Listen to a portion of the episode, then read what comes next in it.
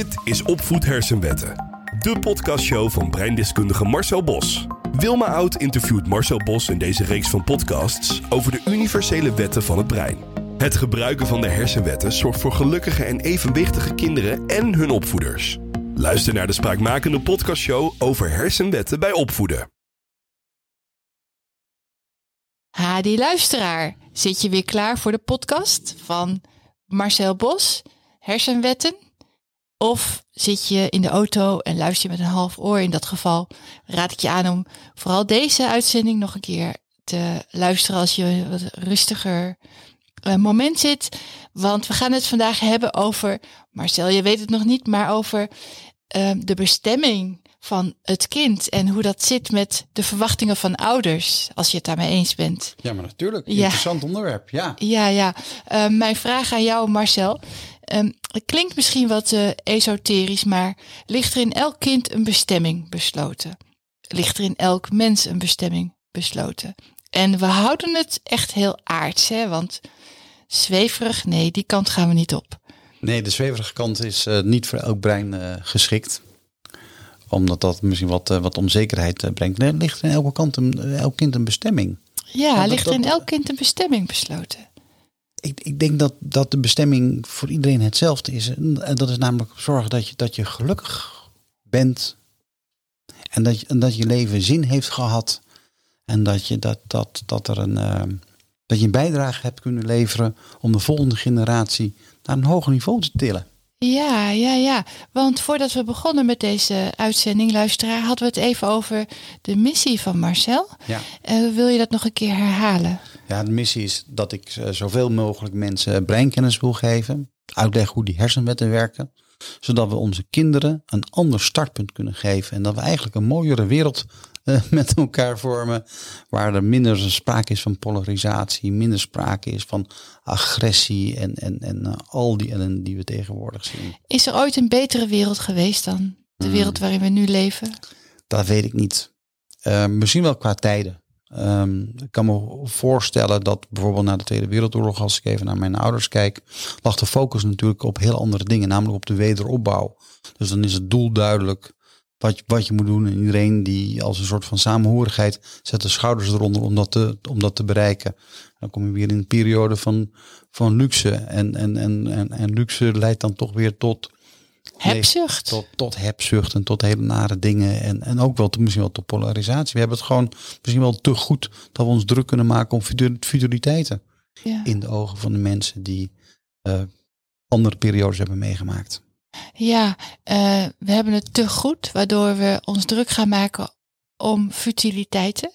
En uh, ik hoorde jou in een eerdere uitzending zeggen dat je als mens ook een beetje, ja, vul me maar aan. Ik ben geneigd om te zeggen pijn moet lijden, maar dan ga jij meteen zeggen nee, dat is het niet. Tegenslag. Nee, tegenslag, ja. ja. Dus maken we ons eigen, maken we ons leven moeilijker dan nodig op dit moment. We maken ons leven veel moeilijker dan nodig. Dat is zeker waar. Ja. ja. Wat, hoe ziet de ideale wereld er voor jou uit? Hoe de ideale wereld ja, eruit ziet? en we, we houden het nogmaals, we houden het heel aards.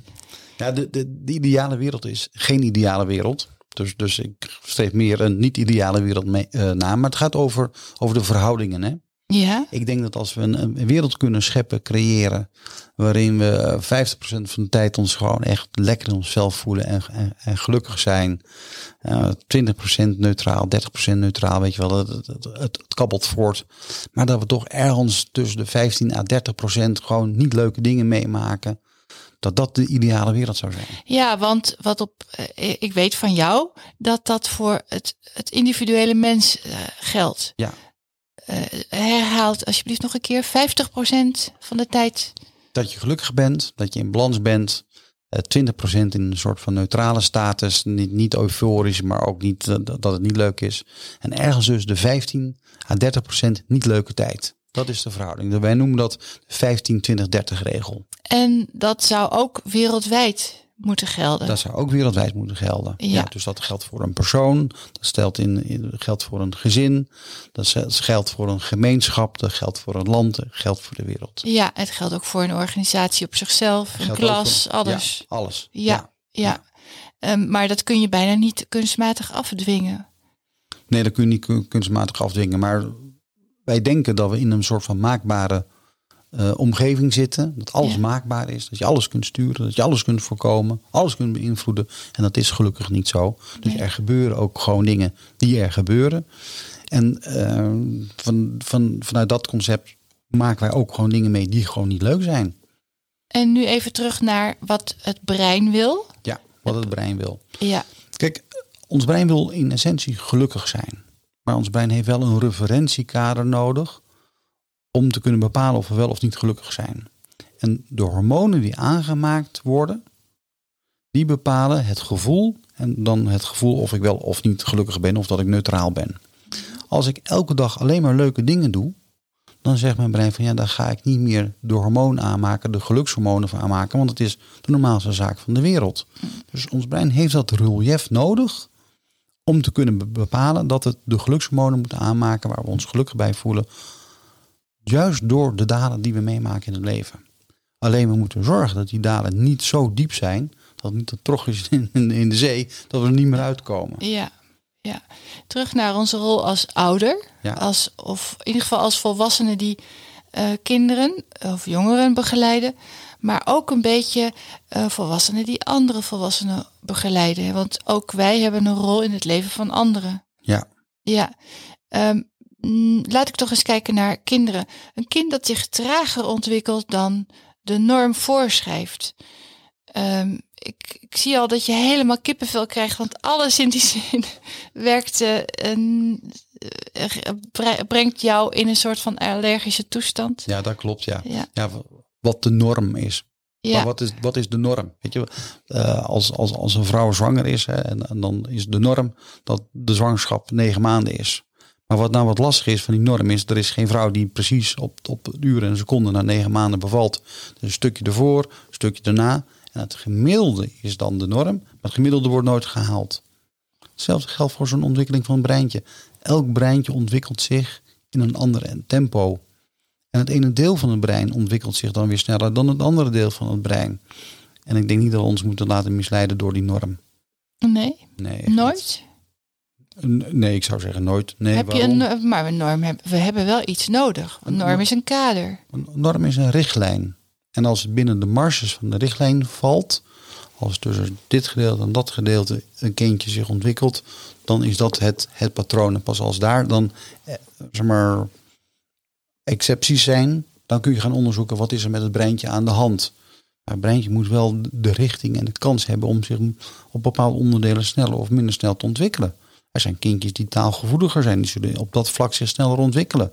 Andere kindjes zijn beter met, met getallen en met rekenen en zullen zich daar sneller ontwikkelen. Maar dat zegt verder niks over, over het kindje en wie ze zijn als mensen. Dat zegt iets over onze verwachtingen.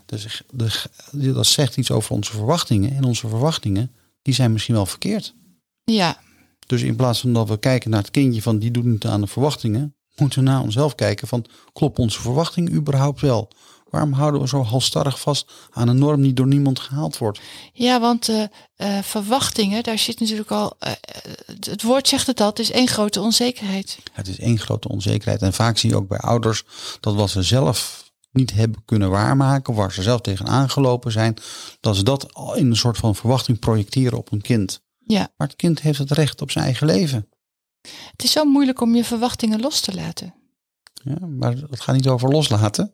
het, gaat Oh, nee. over, het gaat over om verwachtingen te formuleren waar het kind aan kan voldoen. Dus als jouw verwachting is geformuleerd dat zijn kind zijn eigen leven mag leiden, dat dat je verwachting is, daar kan een kind wel aan voldoen. Ja, want je moet niet iets niet doen, maar je moet iets wel doen. Inderdaad. Ja. Dus als je iets nieuws of als je iets niet wil doen, dan kun je dat alleen maar niet doen door iets anders wel te doen. Iets anders wel te doen en dat andere wat je dan wel doet, moet voor je brein leiden tot een beter resultaat dan hetgeen wat je daar vroeger deed. Ja, stel dat ik verwachtingen heb van eh, eh, een kind dat, eh, dat mij wordt toevertrouwd.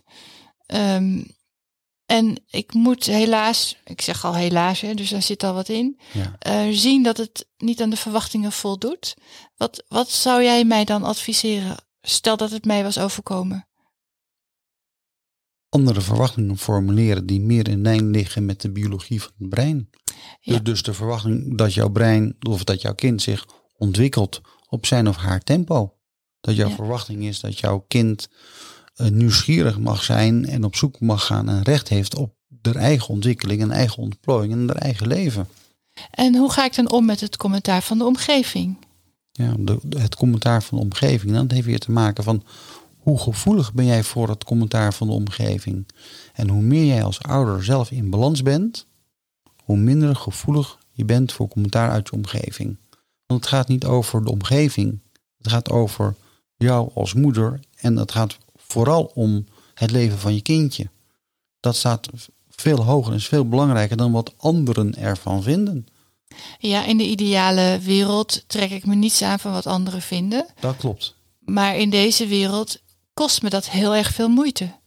Hm, dan leef je misschien in de verkeerde wereld of in een verkeerde omgeving. Maar je kunt ook, er zijn meer mensen zoals jij. Die vinden dat het kind het recht heeft om zijn eigen leven te mogen leiden. En dan ga je op zoek naar de groep van gelijkgestemde ouders die precies hetzelfde vinden. En daar sluit je je bij aan. Het is zo moeilijk om je niets aan te trekken van je omgeving. Voor velen. Voor velen. Maar, Ja. maar dat klopt dat het voor velen zo geldt. Maar dat komt wel om- omdat zij onvoldoende geleerd hebben om een eigen beeld te creëren. En zijn te, be- te veel beïnvloed door het zogenaamde zelfbeeld, wat beïnvloed is door anderen. Ja, wat nog een keer over het zelfbeeld. Het Ja. zelfbeeld is natuurlijk niet een niet zelfbeeld. Het, beeld. Het, is, het is het beeld wat anderen hebben over de mate waarin je aan hun verwachtingen of hun eisen voldoet. Nou, dat redden we bijna nooit. Dus krijg je daar kritiek op en commentaar op. En dan krijg je dus wat genoemd wordt een negatief zelfbeeld. Maar eigenlijk is dat een negatief ander beeld. Ja, Op het moment dat je met je volwassen brein probeert de biologische eisen van het brein te volgen en de mate waarin je daaraan kunt voldoen, dat creëert een eigen beeld. En op het moment dat je een eigen beeld hebt, dan sta je veel steviger in je schoenen en ben je minder vatbaar voor wat anderen ervan vinden. want zelfbeeld is ook maar projectie. Zelfbeeld is 100% projectie. Ja, En het, en het lastige van ons brein is, hè, ons brein heeft geen bewijs nodig om te geloven. nee. Dus als jij van een van jouw opvoeders, en het hoeft niet alleen je vader en moeder te zijn, en dat kan ook de juf op school zijn, of de meester op school zijn, of de sportleraar zijn, drie keer iets tegen jou zegt van nou, jij bent echt zo onhandig, dit kun jij niet. Dan kun je brein dat zomaar gaan geloven, want het heeft geen bewijs nodig. En als je gelooft dat je het niet kunt, dan kun je het inderdaad niet. Zo maak je je eigen wereld. En zo, zo creëer je je eigen schijnwerkelijkheid, Ja, schijnwaarheid. ja. Ja. We leven eigenlijk allemaal in een schijnwaarheid. Of Ja, Ja. de meeste mensen wel. Ja. ja, En daar hebben we dan een leven lang voor nodig om erachter te komen dat het de schijnwereld is. En Ja. dan hebben we een paar eh, depressies voor nodig, en een burn-out voor nodig, en een midlife crisis voor nodig. Om erachter te komen dat we ook veel meer onze eigen wereld kunnen scheppen naar de biologie van het brein. En daarom dat mijn droom nou is van, als ik nou mensen in een veel eerder stadium die breinkennis kan meegeven en kan uitleggen hoe de biologie van het brein werkt, hoe onze hersenwetten werken, dan, dan hoeven ze niet proefondervindelijk erachter te komen. Ze hebben dan al een ander startpunt in hun leven. en als iets niet zweverig is, dan is het wel breinkennis. Inderdaad, het, het, boek wat ik heb geschreven, dat is in meer dan 80 wetenschappelijke onderzoeken aan ten grondslag. Ja, eh, die dan in normale woorden uitgelegd zijn in het, eh, in het, in het boek. Dus eh, het is gewoon echt proefondervindelijk, wetenschappelijk onderbouwd wat er staat. dus leven volgens de kennis en de wetten van het brein is absoluut niet esoterisch of zweverig. Nee, helemaal niet. Het is gewoon echt heel concreet en, en, en, en, meetbaar. In, eh, in het boek schrijf ik ook een aantal eh, echt praktische voorbeelden. Een, een van, van, van de voorbeelden is van, eh, ik noem dat dan in, in het boek van Je kind is de baas. Mhm. Nou, dat creëert best wel een gevoel bij een aantal ouders. Want hoezo is mijn kind de baas? Ik ben de ouder, ik ben de baas. En de oefening is, is dat je één keer in de week bijvoorbeeld de kinderen mogen een uurtje lang de baas zijn en bepalen wat er thuis gebeurt. Mhm. En dan sommige ouders die raken dan echt in paniek van, oh god, mijn kinderen gaan nu hele gekke dingen doen. Maar in de werkelijkheid gebeurt dat helemaal niet. Die kinderen vinden dat geweldig. Leren dan hoe ze dan met die verantwoordelijk omgaan. En, en de kinderen zeggen van, nou, oh dan, eh, als ik nu eh, als zij nu de komende uur de baas zijn, dan willen we naar die en die film kijken. Of dan willen we dat spelletje gaan doen. Of papa en mama willen dat jullie ook gaan verkleden en, en, jullie ook eh krijgertje gaan spelen. Of we willen sushi gaan eten. En, en het feit dat je het vertrouwen geeft aan de kinderen dat zij voor een uurtje de baas zijn, dat, dat doet wat met hun zelfvertrouwen. Dat doet wat met hun zelfbeeld of een eigen beeld. Dat doet wat Mhm. met hun weerbaarheid. Een geweldige, een geweldige techniek om toe te passen. Vinden moeders andere zaken in de opvoeding belangrijker dan de vaders? Ja, inderdaad. En, en, en, en dat komt in die zin ook omdat mannen zijn testosteron gedreven. Dus hebben op andere punten aandacht. En vrouwen zijn meer progesteron oestrogeen gedreven. En die kijken veel meer op de details. Ik leg dat wel eens een keer uit. Dat, dat als, als, als een man op een kind en hij hoort plons omdat ze in het water zijn gevallen. Dan kunnen mannen het kind heel goed redden. Mhm. En vrouwen voorkomen dat ze plons horen. Want die hebben ogen in hun achterhoofd. En die hebben het al veel eerder in de gaten nog voordat het kind in het water valt. Ja, Maar uiteindelijk, in, in, in, in, in, in de opvoeding, hebben kinderen dus zowel het mannensysteem nodig als het vrouwensysteem. ja, En het is niet dat het ene systeem beter is dan het ander. Nee, die systemen aan elkaar gekoppeld is eigenlijk het beste systeem. eigenlijk. Ja. Maar heel vaak is dat niet het geval. Er zijn niet, en er zijn niet in alle gezinnen zowel een mannelijke als een vrouwelijke opvoeder aanwezig. Nee, dat klopt. Ja. Eh, of, of, of die zijn wel aanwezig, maar eh, of de vader of de moeder heeft een fulltime baan en is er Ja. bijna nooit. Ja. Dat, dus dat kan verschillende oorzaken hebben. Tegelijkertijd eh, besef jij goed in welke tijd we leven. Hè? En je oordeelt niet daarover, als ik het goed heb begrepen. Nee, zeker niet. Want, want, ik, want ik snap waar, waar, ehm, waar, de, waar de noodzaak vandaan komt van de ouders. Om te zorgen dat ze hun hoofd boven water kunnen houden. Financieel gezien. Dat is nooit anders geweest. Ehm, nee. Per, per periode verschilt dat. Ja. Ja, want er is wel een periode geweest dat het eh, financieel gemakkelijker haalbaarder was als een van beide ouders de kostwinnaar was. En dat die verdiende genoeg geld om het gezin te onderhouden In Nederland. in Nederland. Ja, Eh, Daarbuiten al niet. Oh, daarbuiten niet, nee. nee, Of, of nou ja, afhankelijk van welke landen Ja. je daarvoor kiest. Maar ook heel veel landen niet. Ja. En, en, en, en nu leven we in een periode waar dat papa en mama allebei aan de bak moeten. Om salaris te kunnen verdienen. Om het hoofd boven water te houden. ja. En dat is natuurlijk niet helemaal een ideale, ideale situatie. Maar je wil dat die kinderen zich maximaal kunnen ontplooien. En die hebben gewoon de onverdeelde aandacht nodig. En tegelijkertijd zeg je ook eh, dat de kinderen eh, zich voegen naar de omstandigheden en dat ze alles hebben moeten meegemaakt. Alles moeten hebben gevoeld en moeten leren hoe ze daarmee omgaan. Ze moeten de tegenslagen van de ouders hebben meegemaakt. Maar Ja. dat is wat anders dan dat de ouders niet voldoende tijd hebben om oprechte aandacht aan hun kinderen te geven. Dat zijn echt twee verschillende dingen. En Dat er- begrijp ik, ja. En er zijn ook echt onderzoeken eh, gedaan waarbij je ziet dat eh, kinderen die grootgebracht zijn zonder ouders, hè, dus in, eh in opvangtehuizen en zo, dat die, dat, dat die later ook eh, veel vaker crimineel gedrag vertonen, veel vaker agressief zijn. Hoe kijk je aan, Marcel, tegen de behoefte van jongens om een meisje te zijn en de behoefte van meisjes soms om een jongen te zijn? Eh, we- eh, dit is de laatste tijd eh, wat meer in de belangstelling dan vroeger, hoewel we weten het is altijd al zo geweest. Ja, daar zijn verschillende de, eh, verklaringen voor. Kijk, het is niet zo dat, dat er maar twee smaken zijn. Dat we, of je jongen je bent of dat je een meisje hebt. Hè. Er zijn, heeft afhankelijk te maken met je, met je genen of op, op bepaalde chromosomen aanwezig zijn. Heeft te maken met hoe de celdeling verloopt. Heeft te maken met de omstandigheden waarin een kindje volgroeit in, in de baarmoeder. Hm. Zit er veel testosteron in het, in het vruchtwater of weinig testosteron? Er zijn heel veel omstandigheden die eh, variaties geven in de seksualiteit. Dat is wat anders dan gender, maar even, Ja. seksualiteit. En ik denk dat, dat elke seksualiteit een hele grote toegevoegde waarde heeft in, in, in de complexe maatschappij waar mensen in leven. Want mensen zijn hele complexe wezens. Dus je hebt daar meer variëteit in, in nodig dan bijvoorbeeld in, eh, in, bij andere dieren. Ja. Dus, dus ik denk dat dat een, heel erg positief is. Tegelijkertijd, en daar zit ook een gevaar in, ons brein doet wat het gelooft. Dus dat betekent dat, dat, dat eh, er periodes zijn dat, dat het bijvoorbeeld in gezinnen, dat, dat eh, de gezinnen dat daar zelfdoding plaatsvindt. En dat dan papa of mama doet zelfdoding en neemt dan ook de rest van het gezin mee. Mhm. Dat wordt expres niet in het nieuws gebracht, omdat dan dat gekopieerd wordt. En dan zien ze gewoon het aantal gezinnen waar dat soort voorvallen plaatsvinden enorm stijgt. Dus dat komt niet in het nieuws. Uit bescherming, hè? Ja. Op het moment dat het heel erg in het nieuws komt, dat jongens met jurkjes moeten lopen en, en, en, en meisjes jongens voelen, Kunnen lopen. kunnen, nou ja, kun- kunnen lopen of, of lopen. Maar Ja. dan, dan, dan worden kinderen beïnvloed en in de war gebracht. Want, Mhm. want die gaan dat ook doen terwijl ze niet zo zijn. Mhm. En, en, en, en, en kinderen zijn in zijn algemeenheid pas op wat latere leeftijd bezig met dit soort onderwerpen. En niet op, op, op vrij jonge leeftijd. Dan is Dus- je bijna daar nog niet mee bezig. Ik hoor jou zeggen, pas op voor kopieergedrag. Pas op voor kopieergedrag. Ja, dus pas, Ja. pas ook op dus in je communicatie.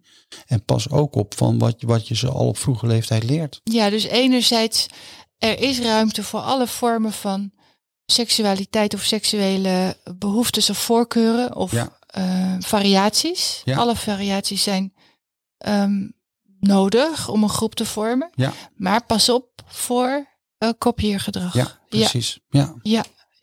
Oké. En, en, en als je gewoon naar de aantallen kijkt en naar percentages kijkt, zijn de hoogste percentages, die zijn gewoon of meisje of jongen. Ja.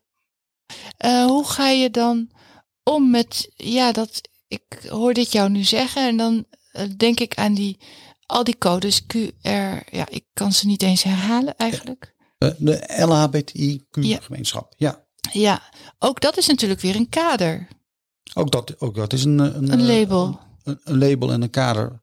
Ja. En we zouden eigenlijk mensen moeten leren dat mensen mensen beoordelen. Wie ben jij als mens? Ja, Ehm, kan ik op jou vertrouwen? Sta je voor me klaar als ik in, in, in, in de problemen zit? Waar sta jij voor? Dat we elkaar daarop beoordelen. En dat, en dat jouw seksuele voorkeur of geaardheid is eigenlijk oninteressant. ja, Maar juist door het op de voorgrond te brengen, gaan we ons richten op wat is jouw seksuele geaardheid. En verliezen we uit het oog om te kijken naar de mens die erachter zit. ja, en we denken dat we dat heel goed doen door te kijken naar de seksuele geaardheid of naar de geaardheid of naar het Ja. kader of de labels waar we bij horen. Ik, eh, ik geef veel trainingen en, en, en lezingen. En ik geef op dit moment ook een serie van trainingen aan een, ehm, aan, aan, een groep hulpverleners. Die in de LHBTI-gemeenschap zitten. En zij helpen mensen met hun coming out. En wat zij mij aangeven is dat ze zeggen van tegenwoordig wordt, dat, wordt er zo'n ehm spellement van gemaakt dat er heel veel mensen zijn die graag bij de groep willen horen. En de groep is als je de uitzondering bent. Dus er zijn heel veel mensen die zeggen van, oh, ik denk dat ik homo ben, of ik denk dat ik lesbisch ben, of ik denk dat ik genderneutraal ben. Terwijl ze dat niet zijn, maar vanuit kopieergedrag het zijn gaan geloven. En dan Dat- hoor ik wel, tenminste dat- bij die groep. Dat, dat, dat, dat ze het wel zijn. En, en, en kijk, en of, of, of nou homo bent of lesbisch of zo. Maar op het moment dat je denkt dat je een andere gender bent en je laat verbouwen, Ja, dat, dat is onomkeerbaar. En zij, Ja. zij maken zich echt hele zo grote zorgen over van en probeer maar eens te achterhalen of dat iemand echt in het verkeerde lichaam zit. Of dat het gevolg is van eh, de beïnvloeding in de maatschappij, hoe er op dit moment mee omgegaan wordt. Ja, want wat is de rol van. Het is een zwaar woord en ik hoop niet dat de luisteraar dat ook zo zwaar oppakt, maar het woord van manipulatie. De rol van manipulatie. En de rol van manipulatie, kijk, met een, net woord is beïnvloeding. Ehm, zelf gebruik ik liever het, toch het woord van manipulatie, omdat manipulatie zo'n vreselijk sterk negatieve lading heeft, waardoor je veel alerter wordt op hetgeen wat er gebeurt. Ja, En, en, en, en manipulatie hoeft niet per se een slechte bedoeling te hebben. Hè? Want, ik, want ik snap heel goed, en ik ben er ook mee eens, hè, dat, dat iedereen moeten we als mens behandelen, ongeacht zijn geaardheid. En er zijn nog veel te veel mensen die, die daar discriminerend in optreden. Dus ik vind het goed dat het op de voorgrond is en dat het bespreekbaar is. Maar het kan ook zomaar zijn dat we er net iets te veel in doorslaan. wa- Waardoor mensen gaan twijfelen aan zichzelf vanuit hun, vanuit hun, hun ja, biologisch eis om bij de groep te horen, verkeerde conclusies trekken. ja, En dus denken van ik ben genderneutraal of ik ben en, en dan een operatie gaan ondergaan. En dan, en dan twee jaar achter, later erachter komen van oei, dat was toch wel een foutje. Want die operaties zijn onomkeerbaar. ja, En dat, dat heeft dus ook hele grote schade. En ik vind wel dat we het daar met elkaar over mogen hebben. Eh, ja. En wat. en, eh, en die ruimte, eh, zie ik in het publieke debat wel eens ontbreken. Ja, dus als ik jou op een podium zet voor een aantal uh, of een zaal vol met deskundigen, dan is jouw boodschap samengevat? Mijn, mijn boodschap zou zijn van dat we zeker met elkaar de discussie erover mogen voeren. Dat we ook dat, dat we mensen moeten leren om elkaar te beoordelen op wie ze zijn als mens en niet zozeer op hun seksualiteit. Um, ik, ik ben hetero, maar ik kom nergens binnen. Ik zeg, goh, ik ben Marcel, ik ben hetero. Maar iemand die een andere seksuele geaardheid hebt, binnen 30 seconden hebben ze verteld wat hun seksuele geaardheid is. Ja. Wat eigenlijk gek is, hè? Want zij zijn toch ook gewoon mensen. Ik moet hun toch, toch beoordelen op, op wie ze zijn. Wat interesseert mij hun seksualiteit nou? Ja. En toch wordt hun aangeleerd door de maatschappij dat, dat, dat ze een soort van coming out moeten hebben om dat te vertellen. Ja. Dat eigenlijk haast nutteloze informatie is. Ja, en je oproep aan jonge mensen met uh, of ouders van jonge mensen die zich daarmee bezighouden, zou dus zijn.